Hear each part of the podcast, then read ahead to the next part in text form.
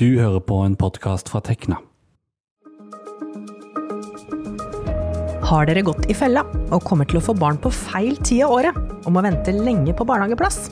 Eller har barnet ditt behov for mer tid hjemme før hverdagens kjas og mas setter inn? Sitter dere og regner på om dere må ta ut ulønna permisjon? Jeg heter Vibeke Westerhagen, og dette er Organisert, en podkast om jobb, juss og karriere. Og i denne kortutgaven skal vi høre om utfordringene med ulønna foreldrepermisjon, og om det finnes noen smart måte å sno seg unna det på. Lene Therese Nilsen, du er juridisk rådgiver i Tekna. Velkommen hit i studio. Du, hva slags rettigheter har man egentlig når det gjelder ulønna foreldrepermisjon? Ja, eh, Først og fremst så har du jo selvfølgelig lov til å ta den lønna permisjon. Eh, og så er det jo det at mange ønsker å ta en ulønna permisjon etter å ha hatt endt den lønna. Eh, da har du rett til å ha tolv måneder eh, ulønna foreldrepermisjon som da skjer umiddelbart etter den lønna. Så det betyr jo at du kan ikke ha noe opphold mellom den ulønna og den lønna foreldrepermisjonen. Nei, og da får man heller ikke noe penger fra folketrygden eller lønn, da. Nei. Så da må man ha spart opp litt, eller Ja, ordne seg. Mm. det stemmer.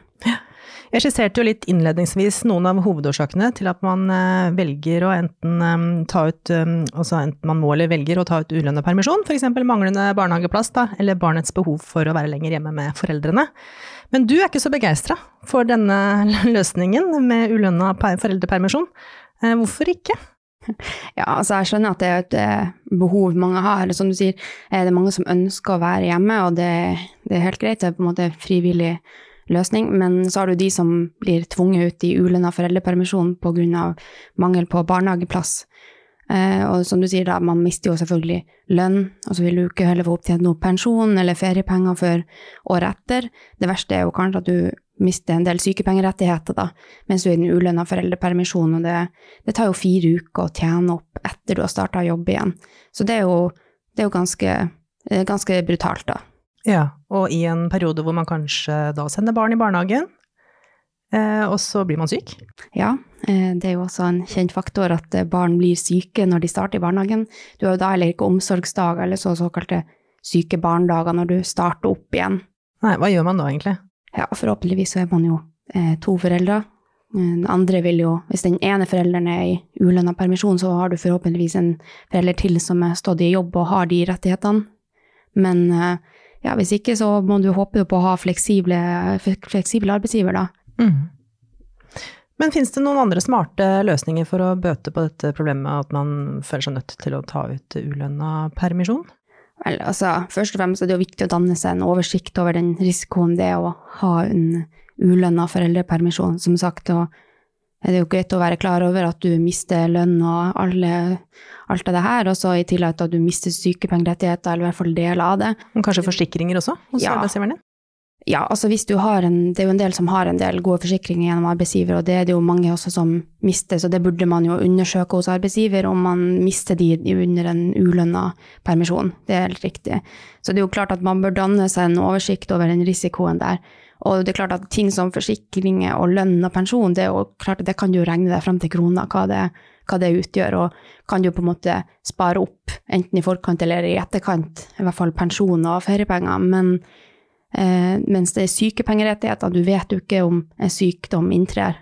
Så det kan være, hvis det er potensielt langvarig sykefravær, så kan det, så kan det bli ganske mye penger det er snakk om. Ja, for man vet jo ikke når eventuell en alvorlig sykdom eh, trer inn i livet. Nei, det er jo det. Og så er det jo viktig at man tar en dialog med Nav i forbindelse med, med planlegging av, av eh, av eh, fraværet. Eh, Hvis du skal ha ulønna, egentlig i forbindelse med både planleggende lønna og den ulønna permisjon, man tar en dialog med Nav på det også. Det er jo noe vi i hvert fall anbefaler. Mm. Ja. Men det er eh, noen som jeg vet tar kontakt med, med oss i Tekna, medlemmer og sånn, som, som lurer på kan jeg liksom bytte litt rundt og ha liksom ulønna permisjon midt i foreldrepermisjonsperioden min og sånn? For å løse, på, løse lengden på dette her? Ja, det er riktig. Vi får en del henvendelser på det, og, og vi ser at det er mange som ønsker å være veldig kreative der med Mhm. å stokke litt rundt på det. Og eh, det virker som veldig mange har et veldig bevisst forhold til temaet med ulønna permisjon og sykepengerettigheter, og ja, egentlig det du risikerer med å ta det. Og det er ikke alltid vi kan gi et sikkert svar på de på de her problemstillingene, fordi at mye av det ligger egentlig ikke på Nav sine hjemmesider på hvordan det egentlig slår ut i forhold til sykepengerettigheter. Og ofte må vi egentlig bare henvise til Nav og ta en dialog med Nav-rådgiverne der. Um, og det er ikke egentlig gitt at du får noe bedre rettighet av å drive og stokke rundt på ting heller. Nei. Men nå tar eh, regjeringen sikte på å endre litt på foreldrepermordningen fra 2024. Eh, hva er endringene som kommer? Jo, altså der er vel tanken at man ønsker det skal være en større fleksibilitet med tanke på valg av ordninger med rundt eh, den lønna delen av, av eh, foreldrepermisjonen. Og da tenker man på valget mellom å velge 80% i 59 uker eller 100% altså 100% utbetaling i 49 uker. De fleste velger 100% i 49 uker, og det er fordi at man totalt sett får en større utbetaling da enn det man gjør når man velger 80% i 59 uker.